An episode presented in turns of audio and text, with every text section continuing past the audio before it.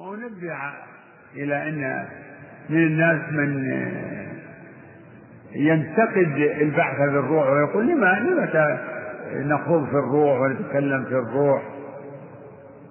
مع أن الله يقول ويسألونك عن الروح قل الروح من أمر ربك. يقول هذه الآية ليس فيها النهي عن الكلام في الروح. أولا إن الآية إن الروح في الآية مختلف قيل إنه جبريل فإنه الروح الأمين. وقيل ملك آخر وقيل المراد بالروح الوحي. فالآية فيها فيها اختلاف. وعلى تقدير أن المراد بها الروح التي هي النفس فإنه تعالى قال قل الروح من أمر ربي. ليس فيه نهي عن الكلام في الروح. الواجب هو الكلام فيها بعلم. أما الكلام فيها بغير علم فهذا هو المعذور في كل في كل مقام. فالكلام في الروح في حدود ما جاء في الكتاب والسنة هذا حق. وبيان لما لما في كتاب الله وسنة رسوله من مما يتعلق بالروح.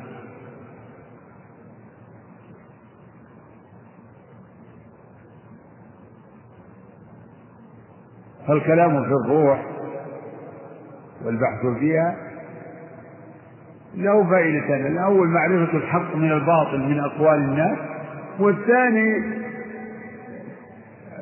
الفائدة الثانية معرفة ما في الكتاب والسنة من يعني ما ورد في الكتاب والسنة في شأن الروح.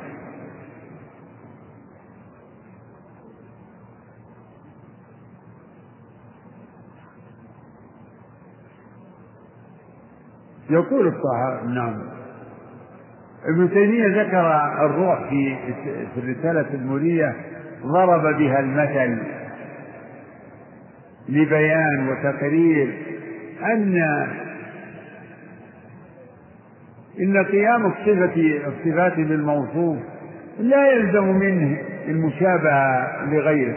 يقول ليقرر بذلك أن إثبات الصفات لله لا يستلزم معرفة كنه ولا تشبيهه بخلقه.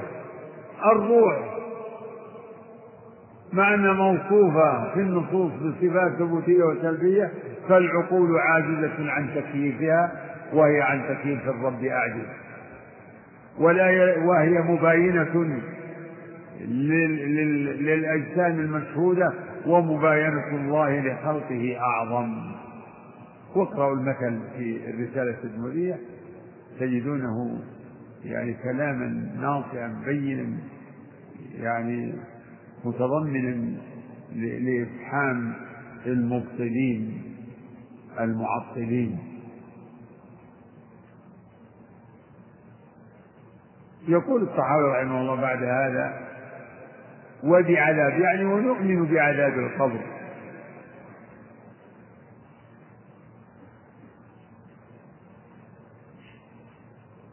يعني وبنعيم أرجو أنه يريد كذا. بعذاب القبر وبنعيم وبفتنة القبر يعني السؤال سؤال الميت في قبره عن ربه ودينه ونبيه. ورد في أكثر النصوص ذكر أن الميت إذا وضع في قبره أتاه ملكان. فيقعدانه ويقولان له من ربك وما دينك. كما جاء في حديث البراء بن عازب الحديث الطويل الذي رواه أحمد وغيره. وجاء في معناها حديث عدة عن جماعة من الصحابة. والأدلة على فتنة القبر وعذاب القبر مستفيضة. بل هذه الأمور كلها قد دل القرآن عليها ودلت عليها السنة. فأشير إلى فتنة القبر بقوله تعالى يثبت الله الذين آمنوا بالقول الثابت في الحياة الدنيا وفي الآخرة. وكان صلى الله عليه وسلم إذا فرغ من دفن الميت وقف على قبره وقال اسألوا لأخيكم استغفروا لأخيكم واسألوا له التثبيت فإنه الآن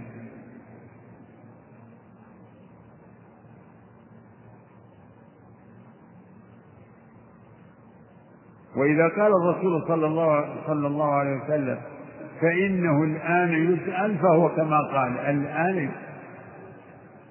لكن الذي يظهر لي أن أنه ليس لنا أن نقول هذه الجملة.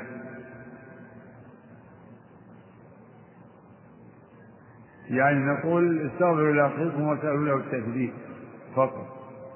أما أن نحكم على هذا المعين بأنه الآن يسأل فهذا ليس لا علم لنا به على سبيل الخصوص على سبيل الخصوص.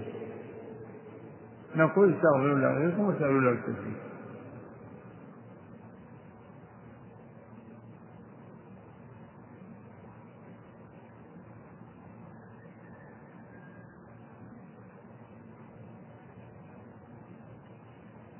ومن أدلة عذاب القبر في القرآن قوله تعالى أن في آل فرعون النار يعرضون عليها غدوا وعشيا ومن ذلك قوله تعالى ولو ترى إذ الظالمون موقوفون عند ربهم ولو ترى إذ الظالمون في غمرات الموت والملائكة باسطوا أيديهم. أخرجوا أنفسكم. اليوم تجزون عذاب الهون. ومن ذلك قوله تعالى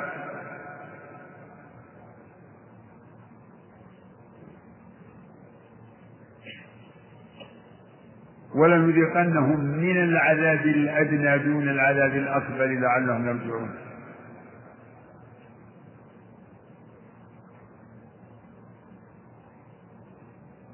وكذلك قوله تعالى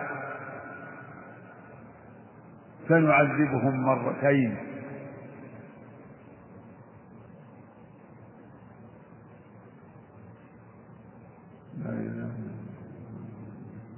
وممن حولكم من الأعراب منافقون ومن أهل المدينة مرضوا على النفاق.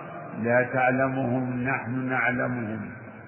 سنعذبهم مرتين.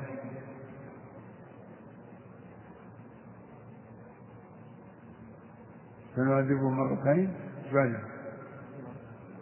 ها؟ ثم يردون إلى عذاب عظيم. نعم.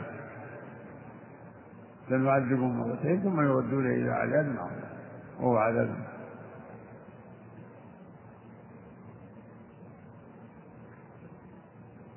ومن أدلة عذاب القبر ونعيمه ما ثبت في في الصحيحين وغيرهما من أن الميت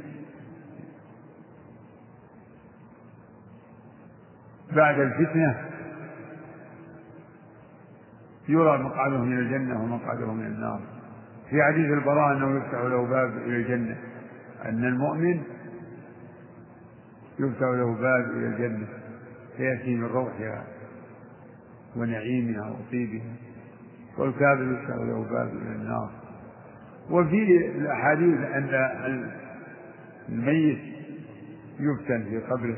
قال صلى الله عليه وسلم إنه أوحي إلي أنكم تفتنون في قبوركم. مثل أو قريبا من فتنة المسيح الدجال.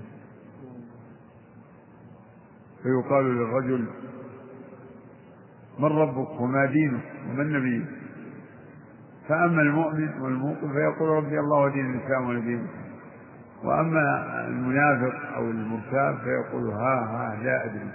سمعت الناس يقولون سينفقون فيضرب بالمرزبة فيصيع صيعة يسمعه كل شيء إلا الإنسان ولو سمع الإنسان الصيع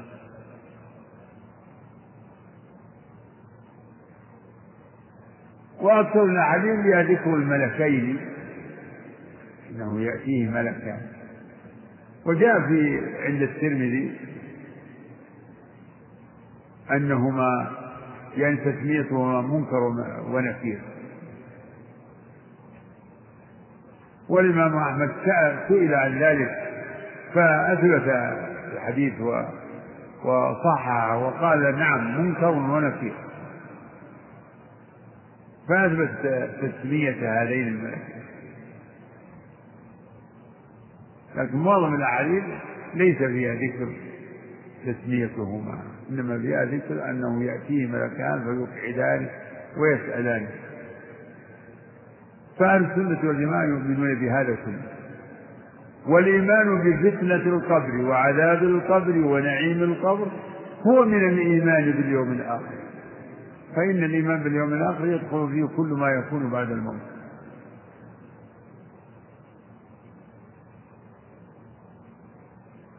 والإيمان بعذاب القبر ونعيمه وفتنته هو من الإيمان بالغيب. لأن الله ستر عن الخلق أحوال أهل القبور. وربما كشف لمن شاء بعض ذلك. وقد أطلع الله نبيه على حال صاحبي القبرين فقال إنهما لما مر بقبرين فقال إنهما ليعذبان وما يعذبان في كثير. فالله أطلعه على حالهما وأطلعه على سبب عذابهما.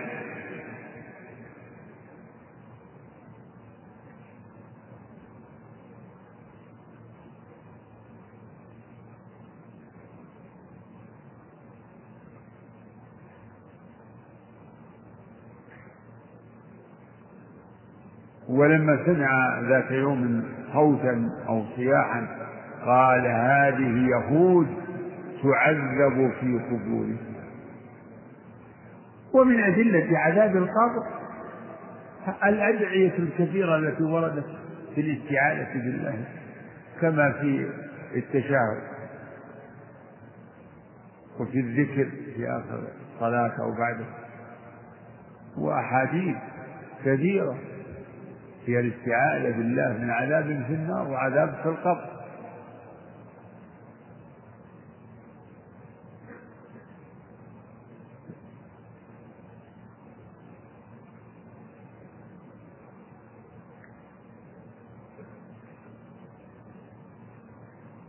فأهل السنة والجماعة يؤمنون بفتنة القبر وعذاب القبر والعلم فيجب الإيمان بذلك والإيمان بهذا من الإيمان بالغيب.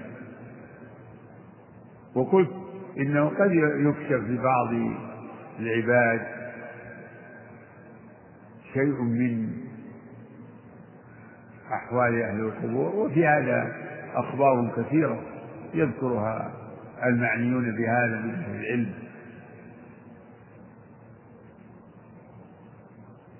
وهي وفيها تصديق تصديق لما أخبر به صلى الله عليه وسلم. وثبت عنه صلى الله عليه وسلم أنه قال لولا ألا تدافنوا لدعوت الله أن يك... أن لدعوت الله أن يسمعكم من عذاب القبر ما أسمع. لولا ألا تدافع لو كتب لأهل للناس أحوال أهل القبور لفروا وهاموا على وجوههم ولما دفنوا موتاهم. وأنكر على عذاب القبر ونعيمه وفتنته الملاحدة الزنادقة. وأنكر كثير نعم. ويلزم على قول من يقول إن الروح عرض وليست شيئا قائما بنفسه أنه ليس هناك عذاب ولا نعيم لأنها معدومة الروح معدومة عرض. ولهذا ابن القيم في النونيه لما ذكر آه، يعني أمر الأرواح وبقاء يقول في ابيات والشأن للأرواح بعد فراقها أبدانها والله أعظم شأن إما عذاب أو نعيم دائم قد نعمت بالروح والريحان. وذكر أبيات في الشهداء يقول لكن أرواح الذين استشهدوا في جوف طير أخضر الريان. بذلوا الجسوم لربهم فأعاظهم. أجسام تلك الطير بالإحسان.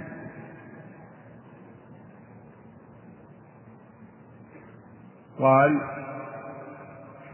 وعذاب أشقاها أشد من الذي قد عاينت أبصارنا بعيان والشاهد الذي أنا أرسل إليه يقول والقائلون بأنها عرض والقائلون بأنها عرض أبوا لا كله تبا لذي نكران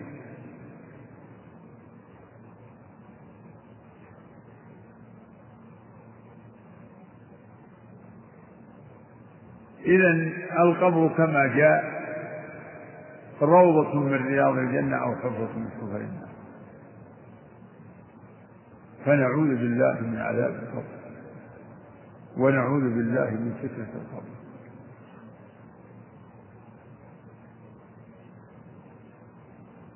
كثيرا ما يوصي النبي عليه الصلاة والسلام أصحابه بالاستعاذة بالله من هذه الأمور كلها الشروط أعوذ بك من عذاب في النار وعذاب في القبر ومن فتنة المحيا والممات ومن فتنة المسيح.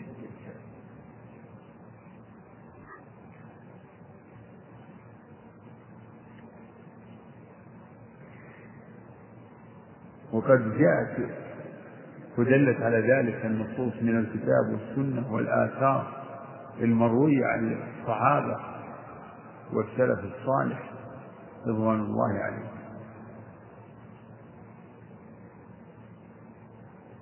نعم أعد النص هذا ونؤمن بملك الموت. نص واحد. ونؤمن بملك الموت الموكل بقبض أرواح العالمين. نعم. وبعذاب القبر لمن كان له أهلا. لمن كان له أهلا. يعني عذاب القبر ليس كل أحد أهل إنما يعذب من يكون له أهلا وهم الكفار. الكفار.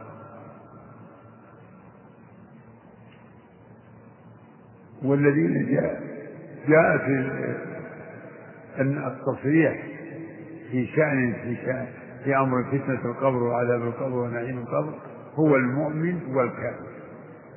أما العاصي فأكثر النصوص ليس فيها تعرض له ويسمى عند أهل العلم بالشائبتين ويقولون إن النصوص أكثر ما تتعرض للكافر للمؤمن الخالص والكافر. أما الشائبتين فإن لا تعرض له يعني كما هو ظاهر في أمر فتنة القبر. إنما ذكر المؤمن الذي ينعم بعد بعد المحنة وبعد الفتنة. وذكر الكافر والمنافق. أما العاصي فليس فيها تعرض له. لكن العاصي يخاف عليه.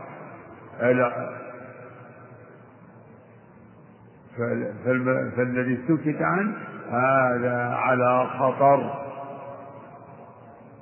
هذا على خطر. المعاصي سبب سبب للعذاب في الدنيا وفي البرزخ وفي الآخرة.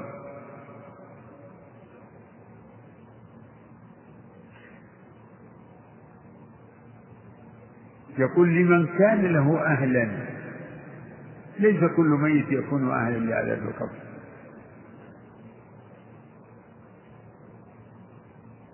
الكافر هو هو المؤهل لعذاب القبر والعاصي على خطر.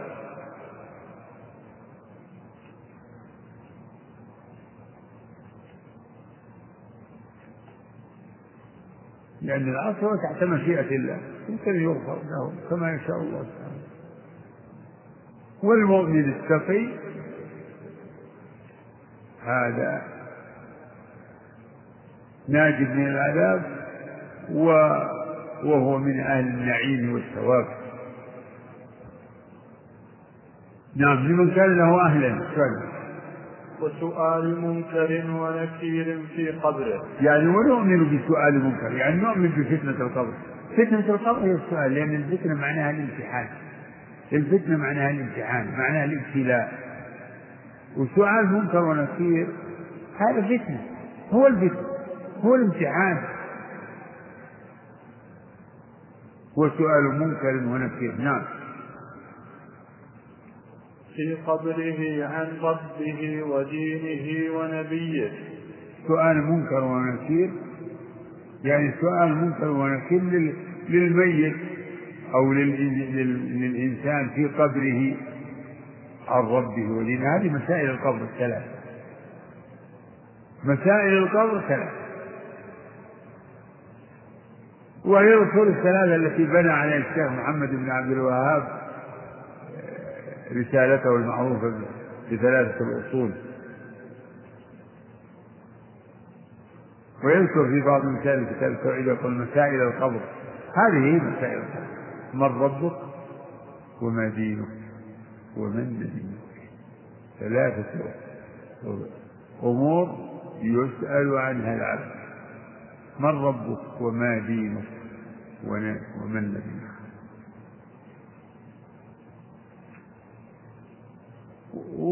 ولما يعني أحب أن أذكر لكم ماذا بلغ الأمر ببعض من من يعبدون أو يعني بلغ الأمر ببعض من يعظمون الوطن إلى درجة العبادة واتخاذ حب الوطن فوق كل شيء. يقول بعض عباد والغلاة في الوطن يقول بنو وطني سأذكرهم متى ما عشت في الدنيا وفي كفني وفي قبري. أقول له إذا ما جاء يسألني بنو بنو وطني هم ديني وديني هم بنو وطني. ماذا يكون هذا؟ هذا كفر. بنو وطني هم ديني وديني هم بنو وطني. هذا يجيب به؟ لن يجيب. سيقول ها لا أدري.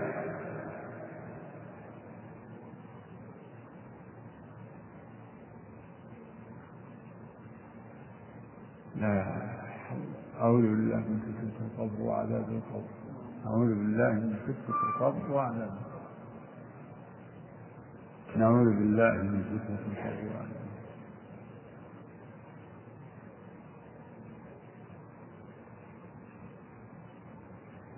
نعم عن ربه ودينه ونبيه. على صلى الله عليه وسلم. نعم. على ما جاءت به الأخبار عن رسول الله صلى الله عليه وسلم. نعم. وعن الصحابة رضوان الله عليهم. نعم. هذا هو المعتمد إنما إثبات هذه الأمور الغيبية لورود الأخبار الصحيحة بها. فنؤمن بذلك تصديقا لله ورسوله واتباعا لسلف هذه الأمة. نعم. والقبر روضة من رياض الجنة أو حفرة من حفر النيران. هذا تكميل للموضوع. وفيه إشارة إلى النعيم لأنه قال في الأول لم يقل بعذاب القبر ونعيمه.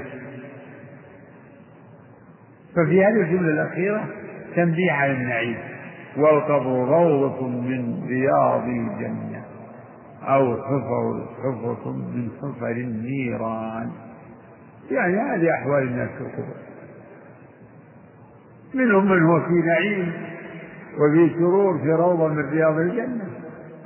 يأتيه من روعها وطيبها كما يشاء الله سبحانه وتعالى على ما يليق بحال البرزخ لأن الدور ثلاث. دار الدنيا وهي دار الابتلاء ودار العمل. ودار البرزخ وهي ما بين الموت إلى البعث. دار البرزخ وهي محل عذاب القبر ونعيم والدار الآخرة التي بعد البعث.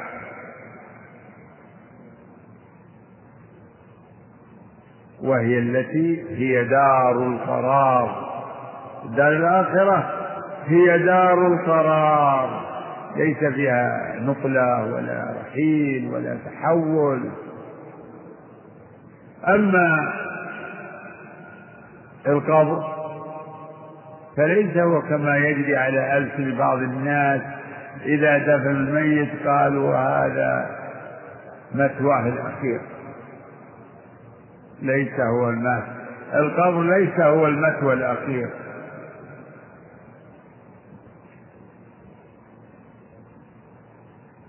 ليس هو المثوى الأخير. بل بعده رحيل وانتقال نقلة.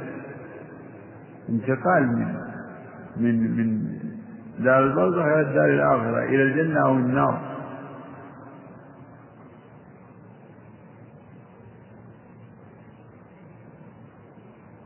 استنبط بعض أهل العلم هذا المعنى من قوله تعالى ألهاكم التكاثر حتى زرتم المقابر. يقول زرتم والزائر لابد أن ينصرف. الزائر لابد له من انصراف. ليس بمقيم.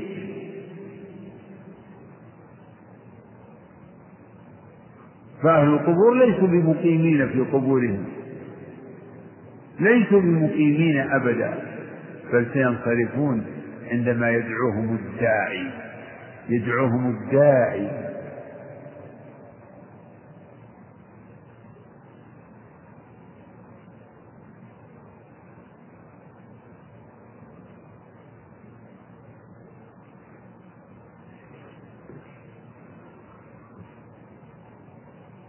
واستمع. يوم يدعو الداعي.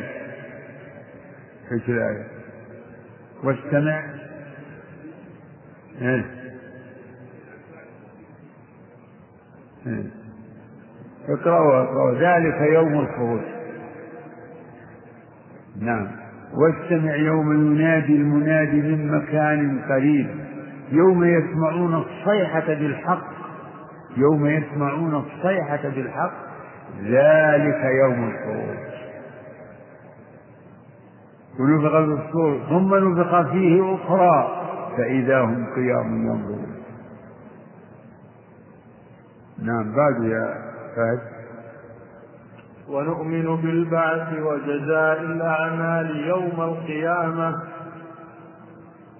نعم والعرض والحساب وقراءة الكتاب نعم. والثواب والعقاب والصراط والميزان. شلون انت والجنة والنار مخلوقتان يقول ونؤمن بالبعث. نؤمن بالبعث شلون وجزاء الأعمال. نقول نؤمن بالبعث وجزاء الأعمال. كل هذه المعاني والمسائل كلها مندرجة في الإيمان باليوم الآخر. عذاب القبر ونعيمه وفتنة القبر والإيمان بالبعث.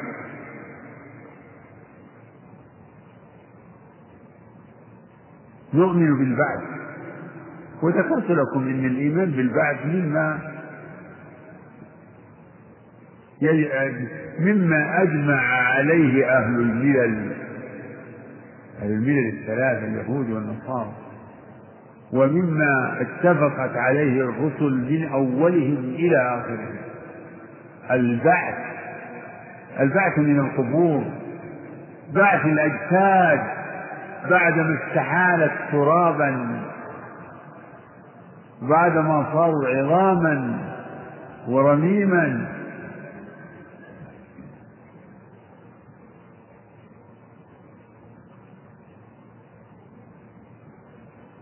فهي من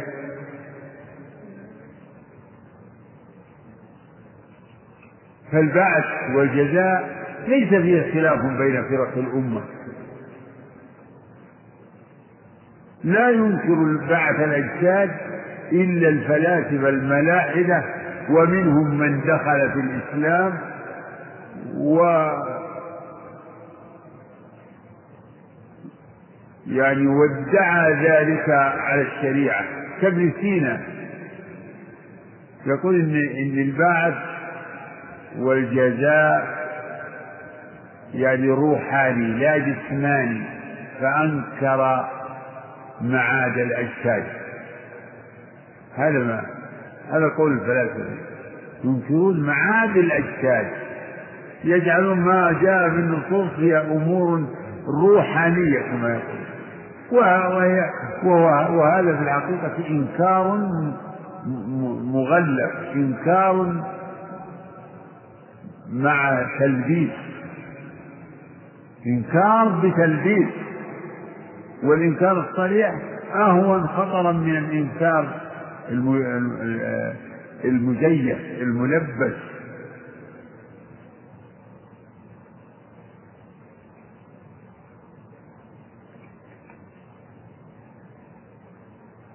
يوم القيامة اسمه يوم البعث. لأن فيه البعث.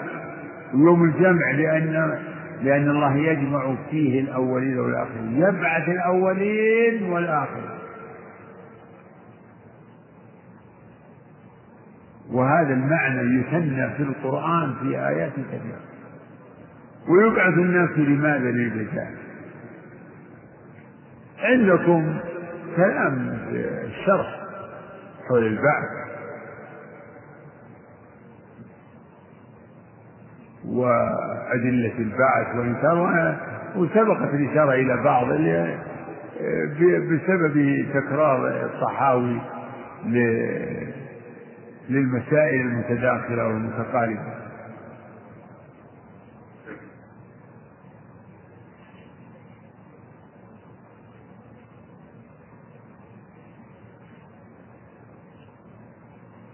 فالمتكلمون يقرون بالبعث كما ذكرت إن البعث تقر به كل الطوائف كل الطوائف. بل واليهود والنصارى يقرون بالبعث. لكن اليهود والنصارى لهم أقاويل في في في موضوع البعث والجنة والنار وكذا وقالوا لا يدخل الجنة إلا من كان هودا أو نصارى. ذلك بأنهم قالوا لن تمس النار إلا أيام معدودات هذه كلها من الأقاويل الباطلة. ومن الأقوال الباطلة في المعروفة عن المتكلمين يقولون إن البعث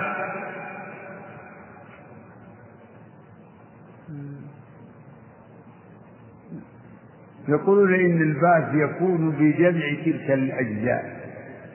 وهذا يرجع إلى مقولة معروفة يقولون إن الأجسام مركبة من جواهر مفردة من الجواهر المفردة والجوهر الفرد هو الجزء الذي لا يتجزأ جزء لا يتجزأ أصغر جزء. يقول الأجسام كلها مركبة من من الجواهر المفردات. وهي جزيئات لا تقبل التجزؤ. فكل الأجسام مركبة من هذه الجزيئات التي لا تقبل التجزؤ. وهم منازعون في دعوى الجوهر الفرد في وجوده. فالتعقيد أنه ما من جزء إلا ويتجزأ حتى يستحيل أو يعدم كما قال شيخ الإسلام رحمه الله. وما في جزء لا يتجزأ بل ينتهي إليه. التجزؤ ينتهي إلى ذلك الجزء. فهؤلاء القائلون بجوهر الفرد بنظرية هذه نظرية جوهر الفرد. أو قائلون به يقولون إن البعث يكون بجمع تلك الجزيئات. يعني إذا مات الميت تفرقت جزيئاته فيكون البعث بجمع تلك الجزيئات وهذا باطل. فإن الأجسام ليس بل تستحيل وتتغير وتتحول من طبيعة إلى طبيعة. ثم يقال إنه لو كان البعث بجمع تلك الجزيئات على فرض صحة الدعوة للزم أن يكون كل إنسان يبعث على هيئته التي كان عليها. الصغير صغير والسمين سمين والنحيف نحيف. لأن ما دام أن البعث صفته أنه إن تجمع تلك الجزيئات كل واحد تجمع جزيئات ويقرأ كما ثبت فيه هذا موجود عندكم؟ شفتوه؟ ولا ما أنتم تقرؤون في الشرع الطحاوية. كأنكم ما تقرؤون ما تقرؤون في الشرع تناسب إيه موجود. أنا أريد أن تعرف أنه موجود.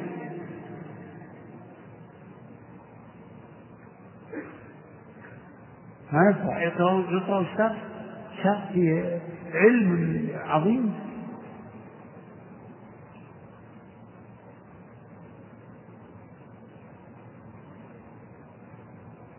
لكن الحق إن البعث ليس كذلك.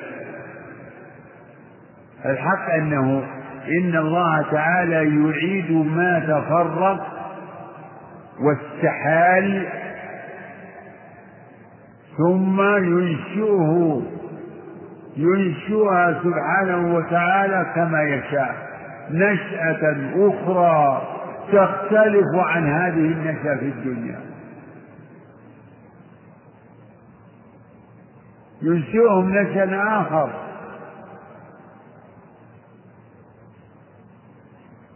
وإن عليه وإن إلى ربك المنتهى وأنه هو أضحك وأبكى وأنه هو أمات وأحيا وأنه خلق الزوجين الذكر والأنثى من نطفة إذا تمنى وأن عليه النشأة الأخرى. أفرأيتم ما تمنون؟ أأنتم تخلقونه أم نحن الخالقون؟ نحن قدرنا بينكم الموت وما نحن بمسبوقين على أن نبدل أمثالكم وننشئكم فيما لا تعلمون. ننشئكم نشأة لا تعلمونها ولا تت... ولا تتخيلون نشأة أخرى.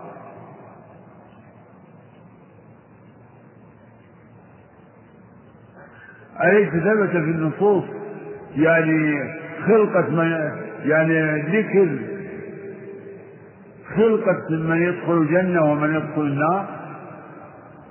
أجسامهم تكون يعني ليست على هيئة أجسام الناس في هذه الدنيا. بل بل تختلف اختلافا كبيرا. ينشئهم الله نشأة أخرى تليق بالحياة الآخرة عذابها ونعيمها.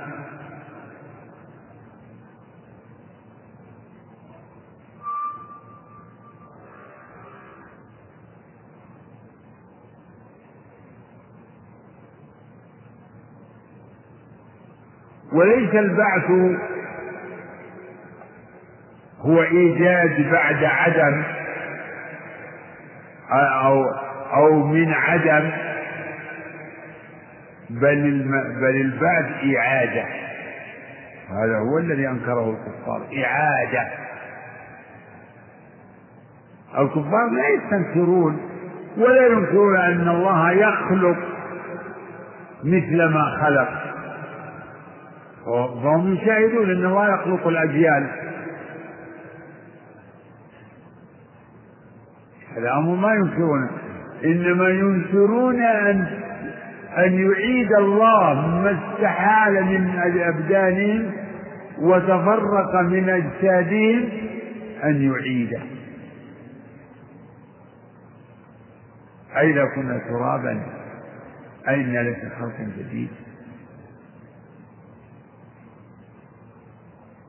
وقالوا أئذا كنا عظاما ورفاتا أئنا لمبعوثون خلقا جديدا؟ قل كونوا حجارة أو حديدا أو خلقا مما يكبر في صدوركم.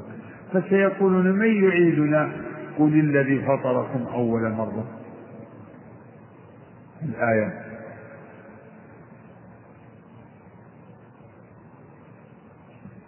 بل هم في لبس من خلق جديد.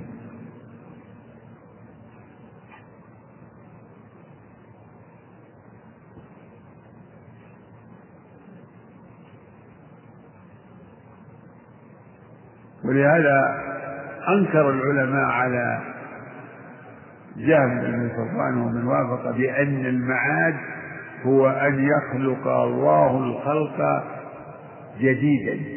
يعني يخلق خلقا جديدا ليس بإعادة. يقول ابن القيم في فصل طويل عندكم في النونية الشافعية والتابعة يقول عن جابر يذكر مقالاته وقضى بأن الله يجعل خلقه عدما. يجعل خلقه عدما ويقلبه وجودا ثانيا.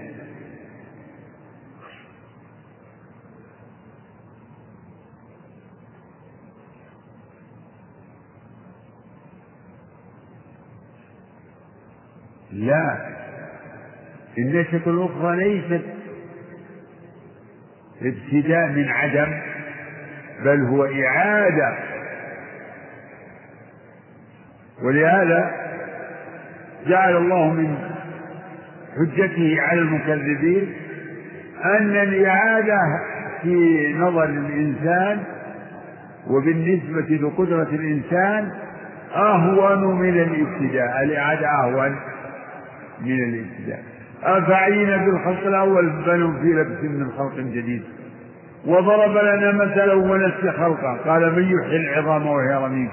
قل يحييها الذي أنشأها أول مرة وهو بكل خلق عليم. وهذا أحد أدلة البعث التي فيها الرد على المكذب الاستدلال بالنشأة الأولى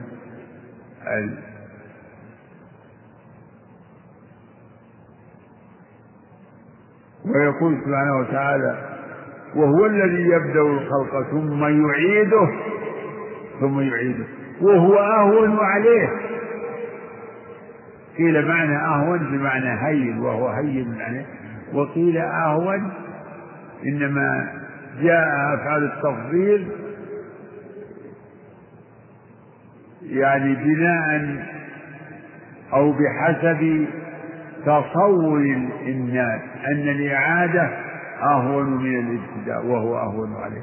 وإلا فالله تعالى ليس في قدرته هين وأهون وأهون بل الكل عليه يسير. الكل عليه يسير. ما خلقكم ولا بعثكم إلا كنفس واحدة. إن الله سميع بصير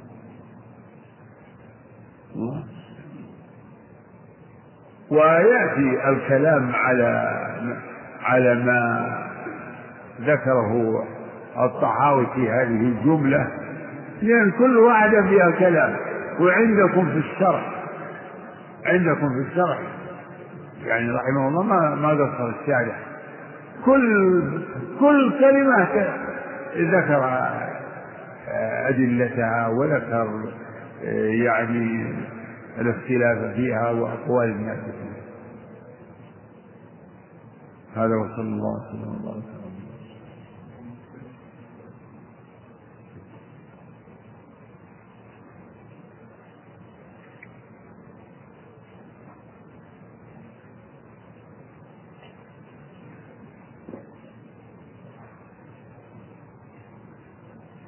تكلم يا بسم الله الرحمن الرحيم. يقول فضيلة الشيخ ما صح ما صحة نسبة كتاب الروح لابن القيم رحمه الله تعالى؟ لا هو صحيح. نعم أقول والله إنه لابن القيم. وحقق الشيخ بكر حفظه الله حقق ذلك. نعم. يقول ينسب إلى الإمام ابن تيمية رحمه الله أنه كفر الروافض. ما صحة ذلك؟ ما أدري عنه. لكن هو يذكر أن من يقول بتكفير الصحابة إن هذه من من من الكفرية. مما يوجب الكفر. تكفير الصحابة لأنه مناقض لما أخبر الله به من حالهم وعاقبتهم. لأن الذين يكفرون الصحابة يكفرون أهل بيعة الرضوان الذين قال الله فيهم لقد رضي الله عن المؤمنين إذ يبايعونك تحت الشجرة. نعم. يقول هل معنى موت الروح هو خروج الروح من الجسد؟ هذا ما اختاره ابن القيم. نعم. تفضل. يقول ما صحة هذا الدعاء؟ اللهم إني لا أسألك رد القضاء ولكن أسألك اللطف فيه. هذا دعاء مبتدع لا أصل له. بل ادع ربك والدعاء من الأسباب التي تدفع القدر. فكل الوجود مبني يعني تصرفات الإنسان الشرعية والكونية مبنية على المدافعة مدافعة الأقدار بالأقدار. مدافعة. ومن ذلك قدر الدعاء يدفع قدرا مكروها. قد انعقد سببه. فكما جاء عن عمر رضي الله عنه نفر من قدر الله إلى قدر الله.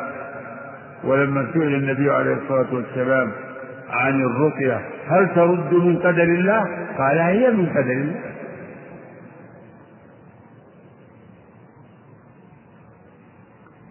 أما القدر الذي سبق علم الله بأنه يكون لن يرده شيء. حبت ما علم الله أنه يكون فلا بد أن يكون نعم. لكن إذا إذا الإنسان إذا انعقد سبب سبب مخوف أو خطر ثم حصلت أسباب تدفعه فقد سبق علم الله بهذا وهذا. نعم. يقول نسمع من بعض المفكرين الإسلاميين المعاصرين ينكرون عذاب القبر وفتنته لأن النصوص الواردة فيه من أحاديث الآحاد. هذا سبيلهم هذول تلاميذ المعتزلة. نعم. وما حكم الشرع فيهم؟ هؤلاء مبتدعة ضلال نعم. يقول أيهما أفضل في هذا الزمان طلب العلم أم الجهاد؟ كلاهما خير ولكل أحد ما يليق به. نعم. قل ذكرت من أدلة عذاب القبر قوله تعالى سنعذبهم مرتين ثم يردون إلى عذاب الآية. فما العذابين الذين قبل الذي اللذين قبل عذاب الآخرة؟ الله أعلم لكن لعله عذاب الدنيا وعذاب البرزخ. تراجعوا في التفسير. فالمسألة هي يسيرة جدا. نعم. يقول هل يجوز أن يقال عند دفن الميت وإذا وإذا انتهي من دفنه اسألوا اسألوا له الثبات فإنه الآن يسأل. أنا ذكرت هذا نصا ويمكن كتبت السؤال قبل أن أقوله. نعم. لا لا تقول الآن قل استغفروا لأخيكم واسألوا له التثبيت. نعم. يقول هل العذاب ونعيمه إنما يكون بالروح دون الجسد؟ الصواب أنه يكون على الروح والجسد. نعم. ويقول ابن القيم رحمه الله إن الروح لها تعلق بالبدن يعني أنواع من التعلق. تعلقها به جنينا وتعلقها به بعد ولادته وتعلقها به في النوم وتعلقها به في القبر. ثم التعلق آه، الكامل تعلقها به في الآخرة. نعم. يقول حديث من مات يوم الجمعة أو ليلتها أمن الفتان. هل الأمن هنا بعدم سؤال المكين له أم بتوقيت أولا أولا ينظر في صحة هذه الأحاديث. وقول ومن ورد فيه أنه يأمن الفتان محتمل أنه لا يفتن ومحتمل أنه أن المقصود أنه يثبت. عندي هذا محتمل. نعم. يقول يلاحظ في هذه الأزمنة هجر سنة القنوت لا سيما أثناء النوازل. ما هو ما هو صحيح. هجر القنوت معناه أنه لا يقنط هذا ما هو صحيح. لكن ما هو بلازم انه يكون دائما دائما دائما. يمكن يمكن يعني صلاة الكسوف نص العلماء على انها ما تكرر. ما تكرر. فلا يلزم من دوام النازلة دوام القنوت نعم. يقول ما الفرق بين الفتنة في القبر وعذاب القبر؟ سبحان الله. فتنة القبر هو السؤال. وعذاب القبر هناك نتيجة نعم.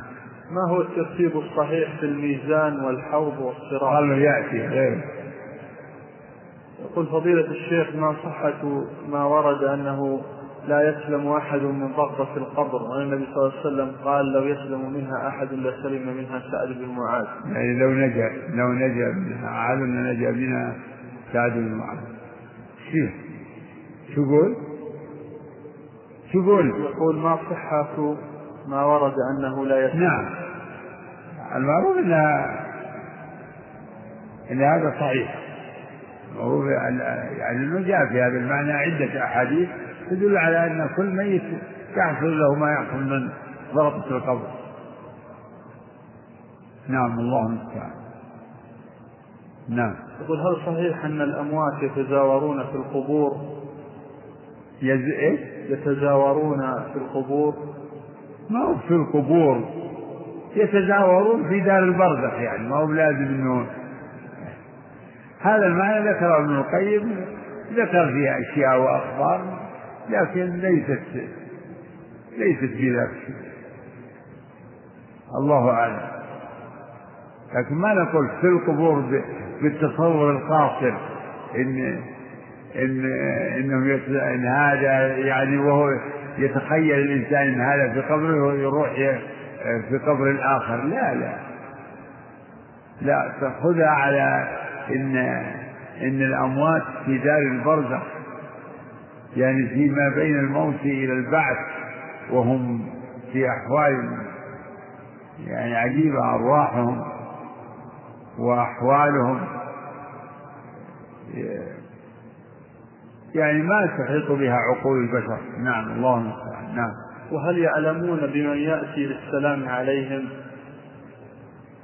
كأن هذا ظاهر هذا ما يختاره ابن القيم؟ هذا ما يختاره ابن القيم والله أعلم بالصواب. ومما يستشهد به هذا حديث ما من مسلم يمر بقبر أخ له كان يعرفه في الدنيا فيسلم عليه إلا رد الله عليه الروح حتى يرد عليه السلام. هذا كان الحديث لا بأس به تدل به العلم على على أنه يمكن يعرفه يمكن الله أعلم. لكن ما ما تجزم على هذه الأحاديث العامة خذها عامة ولا تجزم لمعين بثبوت هذا المعنى. ما جاء في النصوص عاما خذه على العموم ولا تطبقه خصوصا. نعم. لا تجزم بأن بأن بأن فلان لو سلمت على واحد تعرف تقول إنه عرفني أو إنه سمعني. لا هذا جزم خاص يحتاج إلى دليل خاص. حكم خاص يحتاج إلى دليل خاص. نعم. يقول هل هناك ضوابط معينة يمكن من خلالها التمييز بين الأسماء والصفات الواردة في النصوص الشرعية؟ الاسم معروف في الفرق بين الاسم والفعل. غضب الله عليهم هذه فيها إثبات صفة الغضب. رضي الله عنهم فيها إثبات صفة الرضا.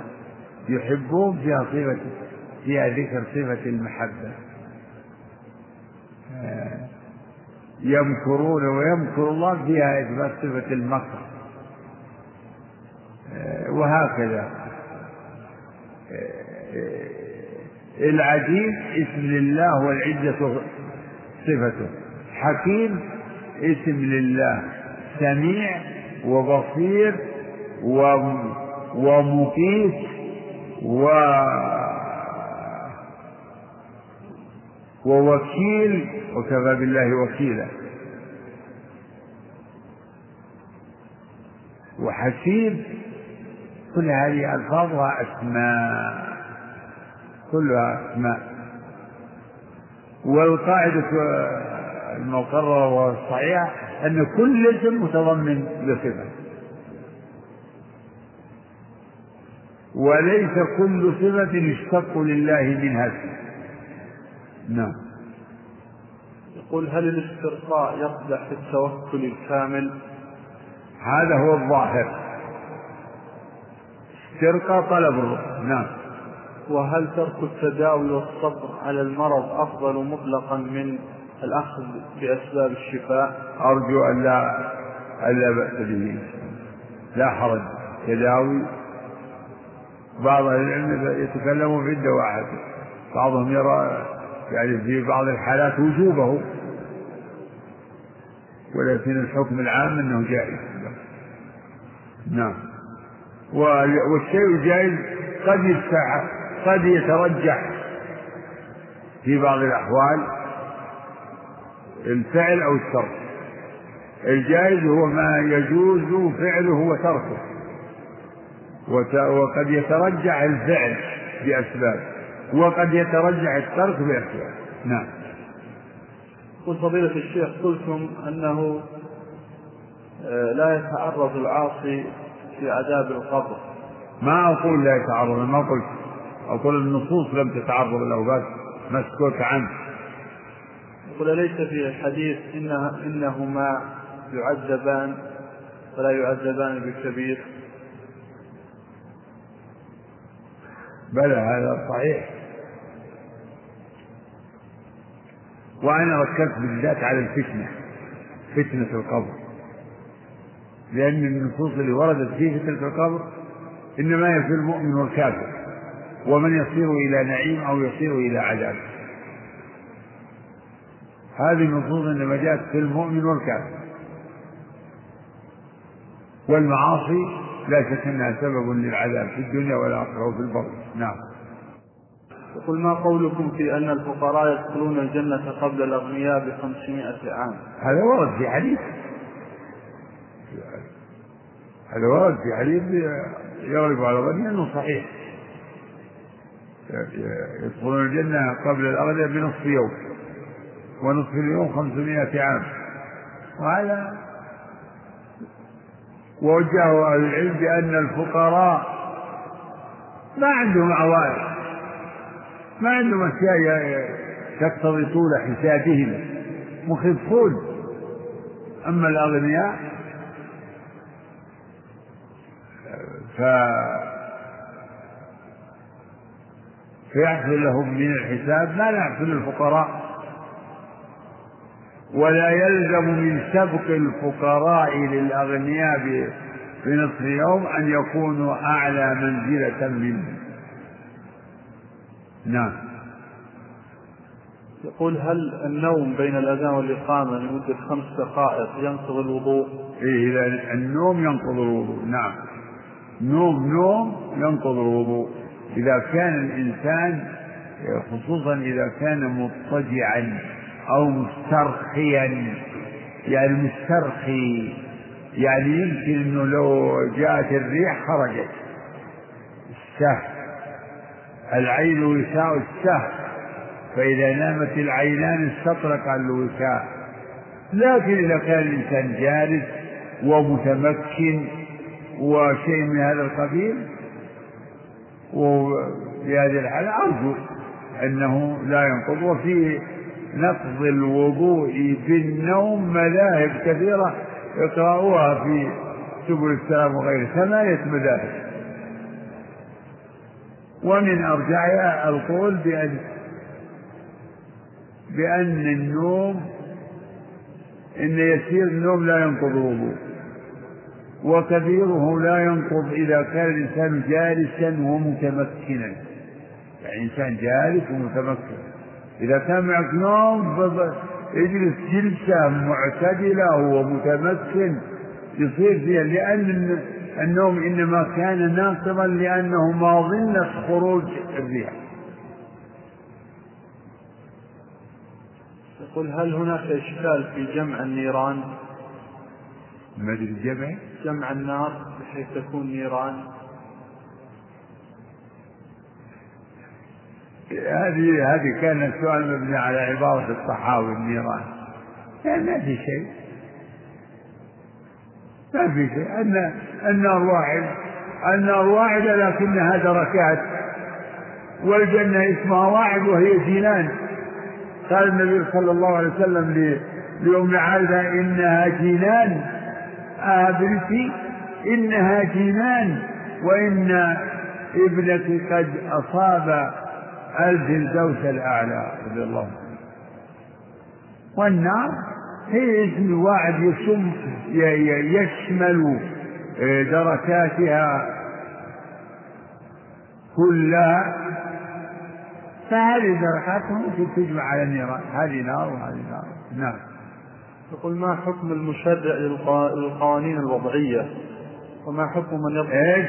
ما حكم المشرع للقوانين الوضعية؟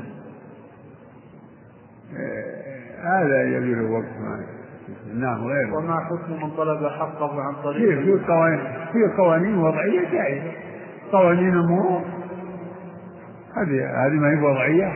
ما هي قوانين وضعية؟ هي وضعية ولا لا؟ نعم تقول ما هي قوانين وضعية؟ إيه قوانين المرور وقانون الموظفين وكل واحد يحط له قانون.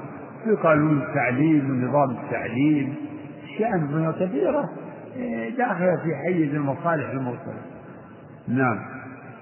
يقول وما حكم من أخذ من طلب حقه عن طريق المحاكم التي تحكم في القوانين الوضعية؟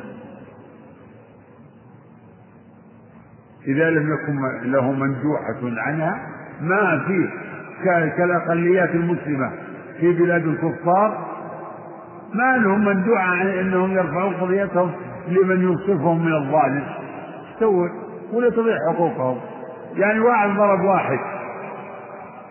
يقول أسكت عنه ولا يرفعه يسكت عنه ولا يرفعه للجهات الأمنية والجهات والسلطة. واحد اعتدى على واحد في ماله أخذ ماله يرفعه ولا يسكت عنه. هذا مضطر لا يرضى بتلك المحاكم وحكمها الباطل المخالف لشرع الله. لكنه من باب الانتصار بالقوي على الظالم. ينتصر بها ينتصر بهذه المحاكم التي يمكن ان تنصفه من من خصمه ومن ظالمه آخر سؤال يا اخوان نعم يقول كثرت في هذه الأيام الجرائد الجرائد الجرائد في الشرق الأوسط والوطن بما فيها من الليل من المجاهدين الذين ذهبوا إلى أفغانستان. إيه؟ كثر؟ توزيع إيه؟ تداول جريدة الشرق الأوسط وجريدة الوطن إيه؟ بما فيها من النيل من المجاهدين الذين ذهبوا إلى بما فيها؟ بما فيها. بما فيها؟ يعني ما كثرنا هي آه، الوطن والشرق الأوسط آه، يعني توزع كثيرا بدون يعني يعني ما هو كثرة توزيعها لما فيها من من النيل. يعني ما يظهر لي إنها كثرة توزيعها من أجل ما فيها كذا حيتوزع تلقائيا. الناس مو الناس مولعون بتلقف هذه الصحف نسأل الله العافية. وهذه الصحف التي تنشر الباطل ما يجوز لا يجوز شراءها ولا تداولها لا يجوز شراء الصحف التي تنشر الباطل.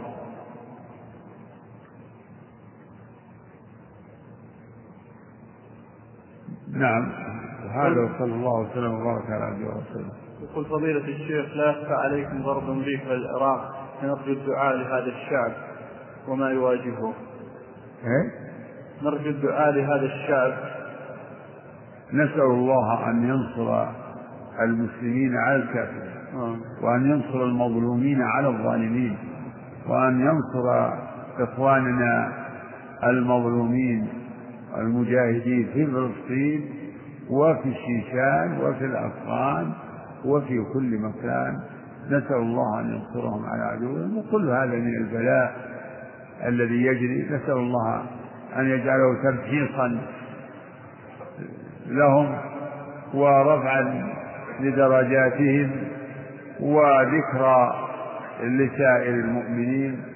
نسأل الله أن يدمر على الكافرين تدميرا وأن يرد كيدهم في نحورهم. إنه تعالى ولي ذلك هو القادر عليه. نعم يا فهد.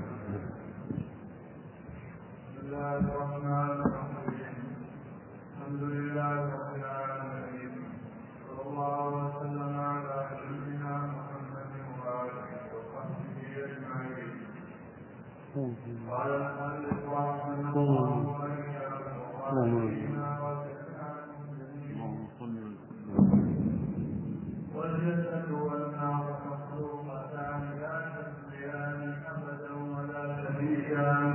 إلى آخره. قبل هذا فيه هو في مسائل ما انتهينا عليها. الحمد لله وصلى الله وسلم وبارك على نبينا رسول يقول المؤلف وبالبعث وتقدم وجزاء الأعمال. أيضا مما يجب الإيمان به الجزاء وهذا هو المقصود. المقصود من البعث. المقصود من البعث الجزاء. فهذه هي الحكمة.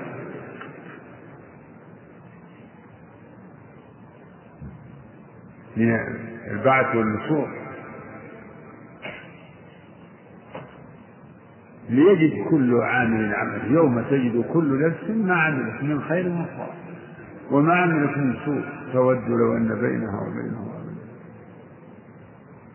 ليجزي الذين أساءوا بما عملوا. بل هذا من حكمة الله في خلق السماوات والأرض. الابتلاء والجزاء. وخلق الله السماوات والأرض. وما والأرض بالحق ولتجزى كل نفس بما كسبت وهم لا يظلمون.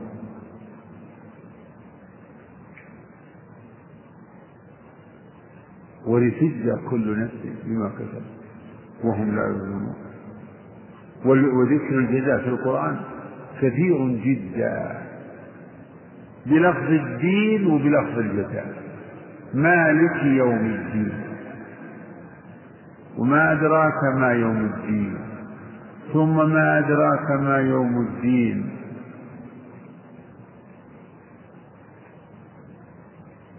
الذين يكذبون بيوم الدين. يوم الجزاء يوم الجزاء وهذا الجزاء ذكر الله تفصيلا من جاء بالحسنة فله عشر أمثالها ومن جاء بالسيئة فلا يجزى إلا مثلها فلا يجزى إلا مثلها وهم لا يظلمون.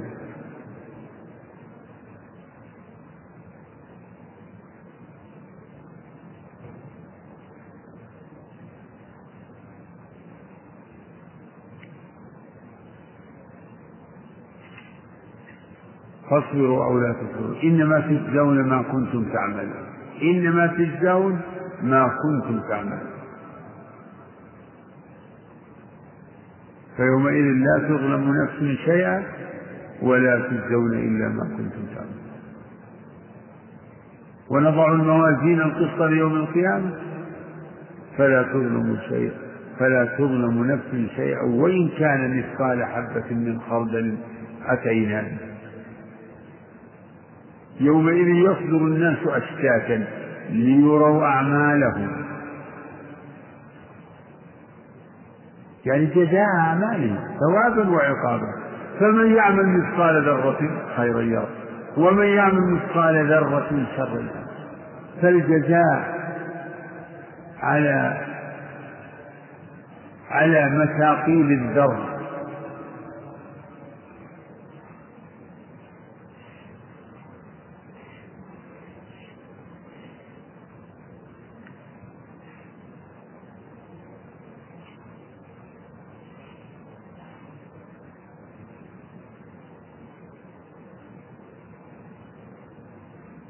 وهذا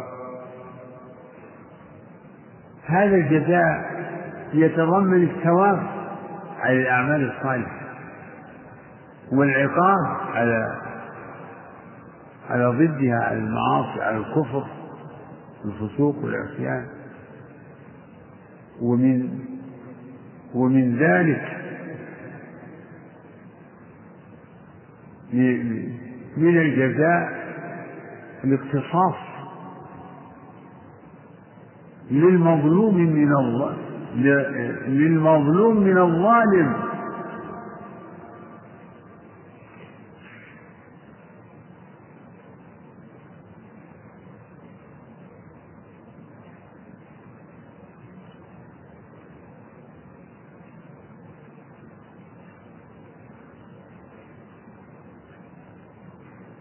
وبهذا تتحقق حكمة الرب. وعدله سبحانه وتعالى. فالناس في هذه الدنيا يجري بينهم من عدوان بعضهم على بعض وظلم بعضهم لبعض. وكثير من من المظلومين لا يستوفي حقه. يموت وهو لم يستوفي حقه. موت الظالم وهو لم يقتص منه ولم يؤخذ منه. فجعل الله للخلق يوما يجمع فيه الأولين والآخرين. حاسب فيه الكل.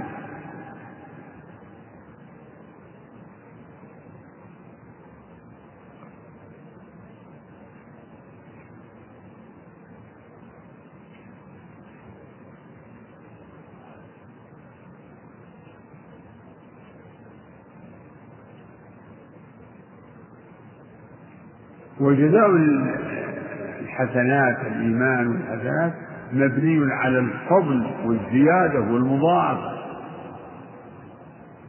والجزاء على السيئات مبني على العدل. وجزاء سيئات مثله. في الآية هو من جاء بالسيئة فلا يجزى إلا مثلها وهم لا يظلمون.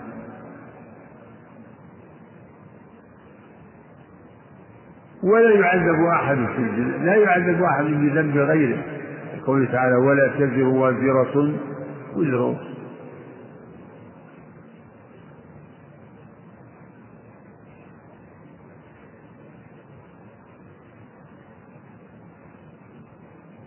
والله تعالى ينبه إلى أن دخول أهل الجنة في الجنة بسبب أعمالنا. بسبب العمل جزاء بما كانوا يعملون. والباء للسببية. الباء للسببية. فلا فالإيمان والعمل الصالح هو سبب دخول الجنة. والكفر والمعاصي هو هو سبب دخول النار.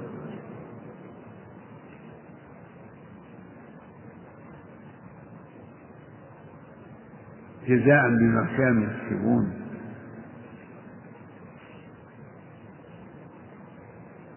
وتفصيل هذا في القرآن كثير جدا تفصيل ذكر الجزاء مجملا وذكره مفصلا.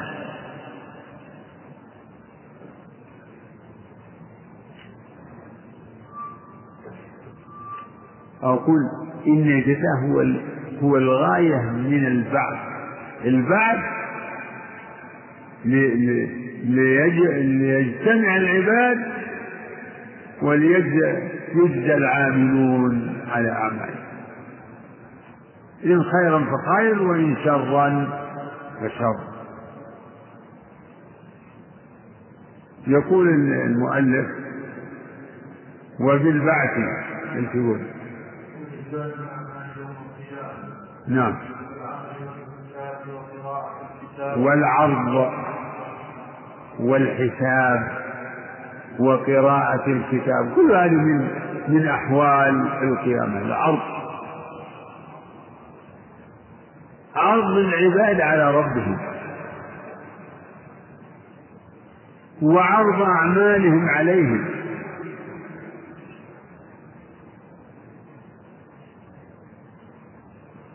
ويوم نسير الجبال وترى الأرض باردة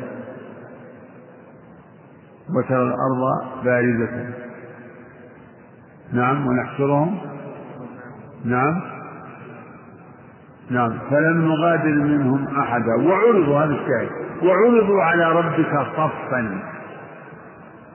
وعرضوا على ربك صفا لقد جئتمونا كما خلقناكم أول مرة. وعرضوا على ربك.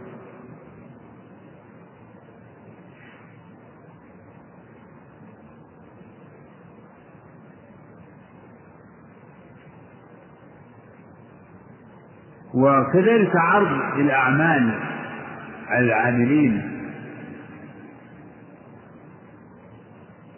تعرض أعمالهم عليهم.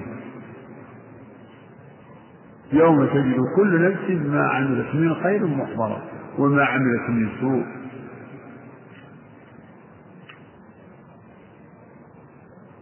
تعرض عليهم أعمالهم. يجدونها وفي حديث عدي بن حاتم ما منكم من أحد إلا سيكلمه ربه ليس بينه وبينه ترجمان. فينظر أيمن منه فلا يرى إلا ما قدم ولا وينظر أشأم منه فلا يرى إلا ما قدم وينظر أمامه فلا يرى إلا النار فاتقوا النار ولو بشق تمر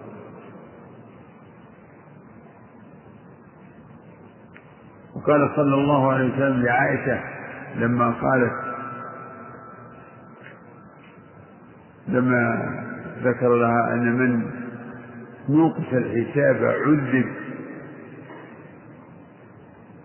واستشكلت قول قوله تعالى فسوف يحاسب حسابا يسيرا. قال إنما ذلك العرض.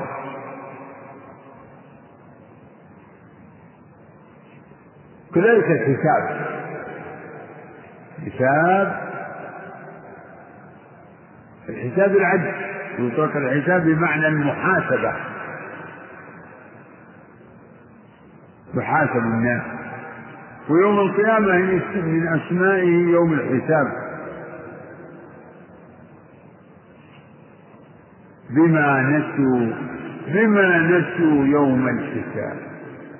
من أسماء القيامة يوم الحساب. يوم الدين يوم القيامة يوم النشور يوم الجمع كذلك يوم الحساب. يحاسب الله فيه الخلائق.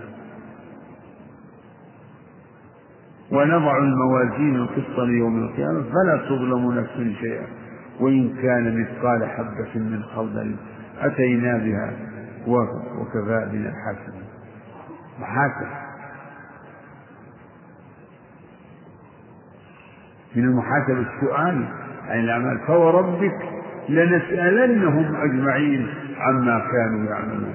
وقفوهم إنهم مسؤولون.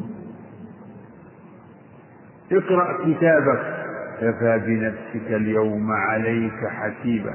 كفى بنفسك اليوم عليك حسيبا. فسوف يحاسب حسابا يسيرا. وأما من أوتي كتابه وراء فسوف أما من أوتي كتابه وراء ظهره فسوف نعم فسوف.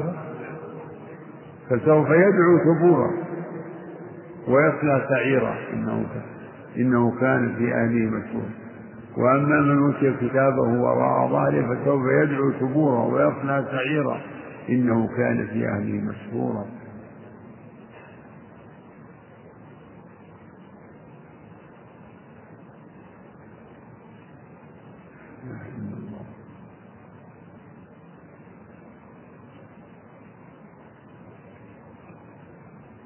وفي الحساب من الحساب ما فيه مناقشة كما قال صلى الله عليه وسلم من نوقش الحساب عذب في من نوقش الحساب هلك.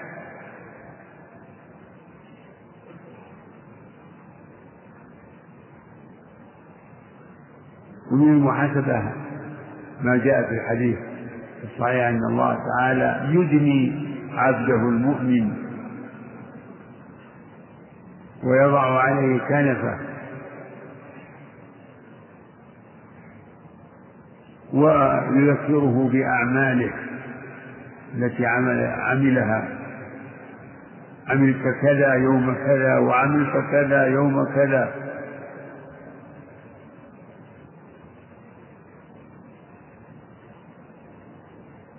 ويقول له سترتها عليك في الدنيا وأنا أغفر أغفرها لك اليوم أو كما جاء في الحديث. حساب يسير وعرض للأعمال. عرض على ليس فيه مناقشة. هذا كله يدخل في إطار الحساب.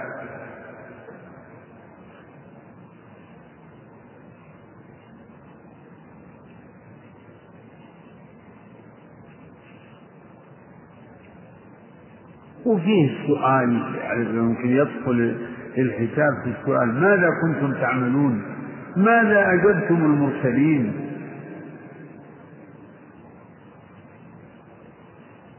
فأحوال القيامة وأحوالها عظيمة. لا إله إلا الله.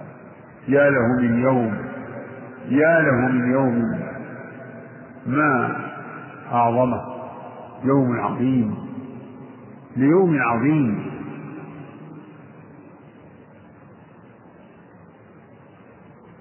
وثقيل وعسير لكن على الكافرين.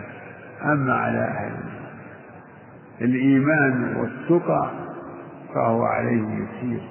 ولهذا يقول تعالى على الكافرين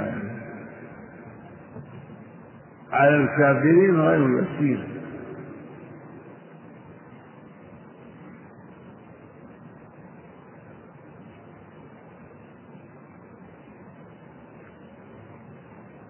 في الآية الأخرى وكان يوما على الكافرين عسيرا.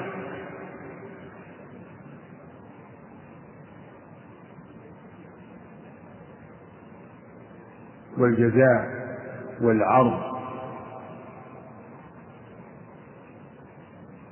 والحساب وقراءة الكتاب. قراءة الكتاب يعني الكتاب كتاب الأعمال.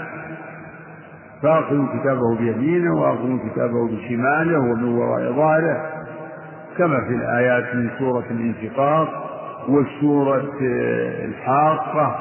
فأما من أوتي كتابه بيمينه فيقول ها اقرأوا كتابه وأما من أوتي كتابه بشماله فيقول يا ليتني لم أوت كتابه.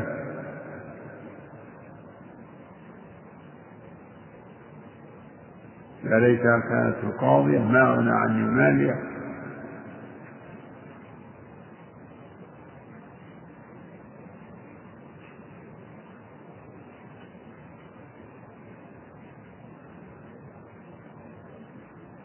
و وقال وكل إنسان ألزمناه طائره في عنقه ونخرج له يوم القيامة كتابا يلقاه منشورا. اقرأ كتابك. كفى بنفسك اليوم عليك حسيبا.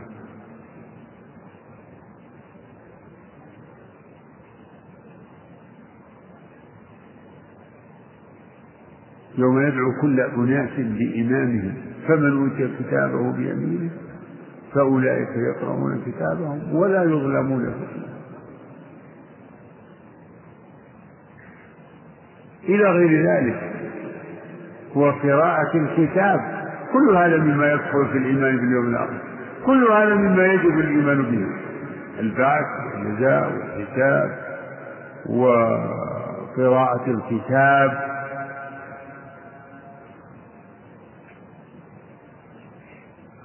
نعم و وكذلك الميزان ميزان الأعمال والآيات في هذا ظاهرة وكثيرة.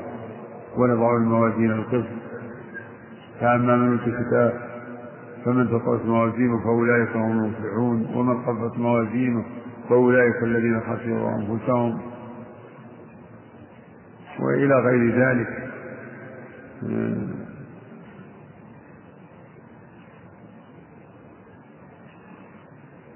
فأهل السنة والجماعة يؤمنون بهذا كله يؤمنون بالميزان وأنه ميزان حقيقي حسي توزن فيه الأعمال.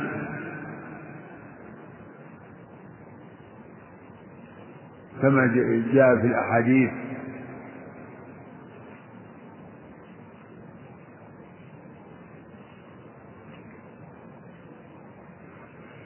كلمتان خفيفتان على اللسان حبيبتان إلى الرحمن ثقيلتان في الميزان. وفي الحديث الآخر والحمد لله سبحانه والحمد لله تملأ الميزان.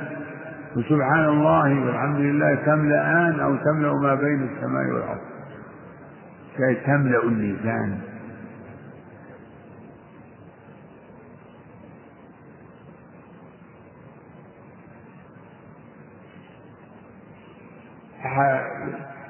فدل الكتاب والسنة على وزن الأعمال والله على كل شيء قدير. يمكن يعني وإن كانت الأعمال أعراضا والأعراض لا تق يعني في حسنا ومداركنا أنها لا تقبل الوزن لكن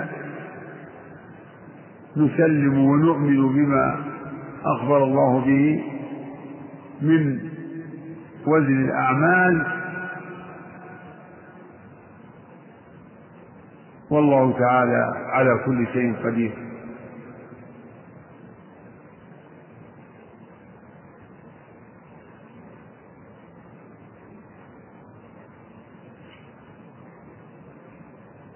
وفي حديث صاحب البطاقة ما يدل على أن صحائف الأعمال توزن صاحب البطاقة الذي يأتي يوم القيامة يخرج له تسعة وتسعين سجلا كل سجل مد البصر كلها يعني سيئات فيبهت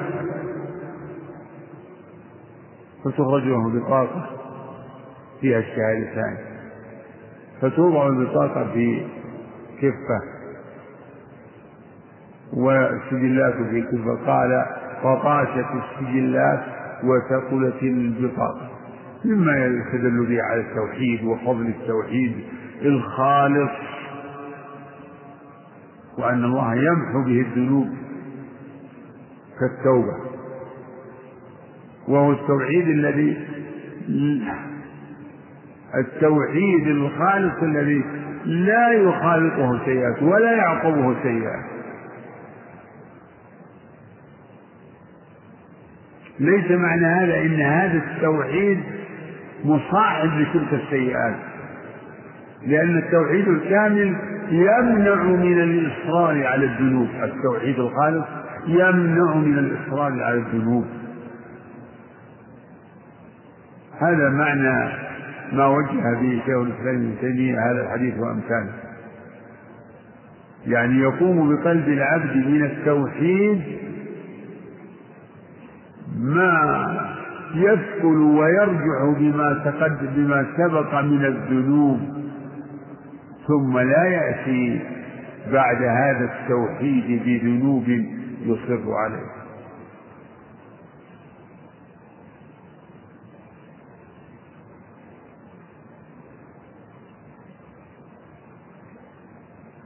عندكم نبه على أن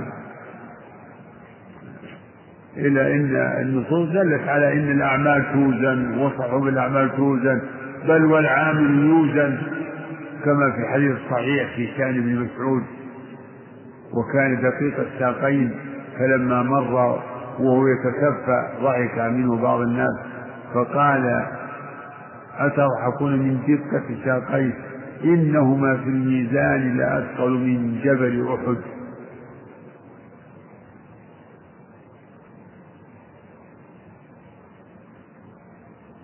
والصراط جسر وطريق ومعبر ينصب على ظهر جهنم على متن جهنم فيعبر عليه الناس بحسب أعمالهم.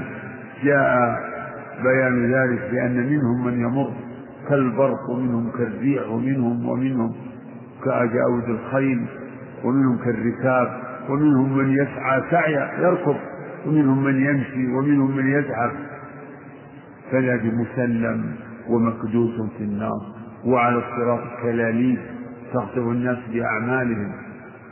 شبه النبي صلى الله عليه وسلم بشوك السعدان لكن لا يعلم عظمها عظم قدرها إلا الله سبحانه وتعالى. وهو صراط حسي وكأن هذا في مقابل الصراط الذي في الدنيا ففي الدنيا صراط معنوي وهو دين الله الذي بعث به رسله. هو الصراط. فمن فالسير على ذاك الصراط بعدم السير على هذا الصراط. فمن كان على هذا الصراط ثابتا ومسرعا وقويا كان على ذاك كذلك.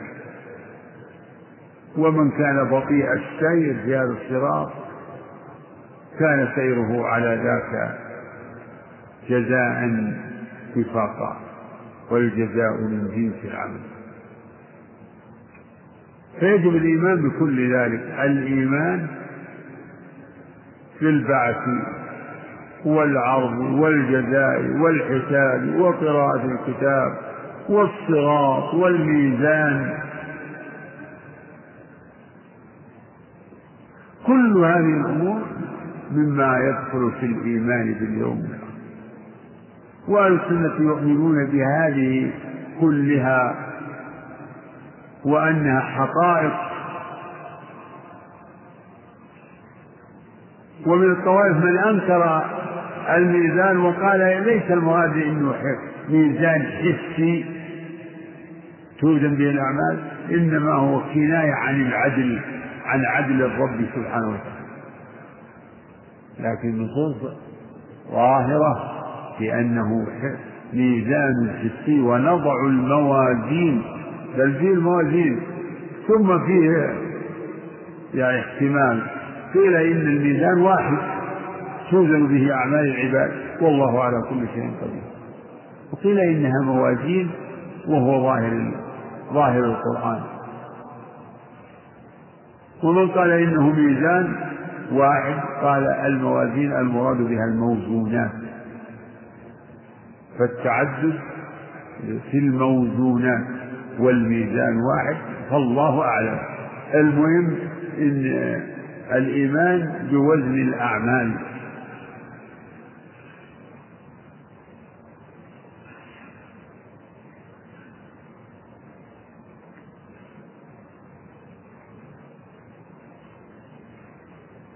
والشيخ محمد بن عبد الوهاب يذكر في مسائل باب فضل التوحيد وما يكفر من الذنوب يذكر من فوائد حديث أبي سعيد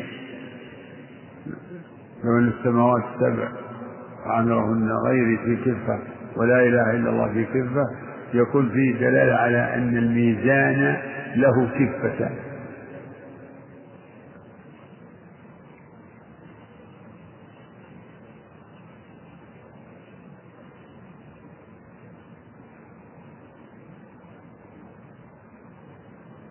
لأن الميزان يتضمن المعادلة بين السيئات والحسنات. فمن رجحت حسناته على سيئاته نجا. نجا. ومن رجحت سيئات على حسناته فقد يعذب. والكلام في في المسلم الذي له حسنات. أما الكفار فليس له حسنات.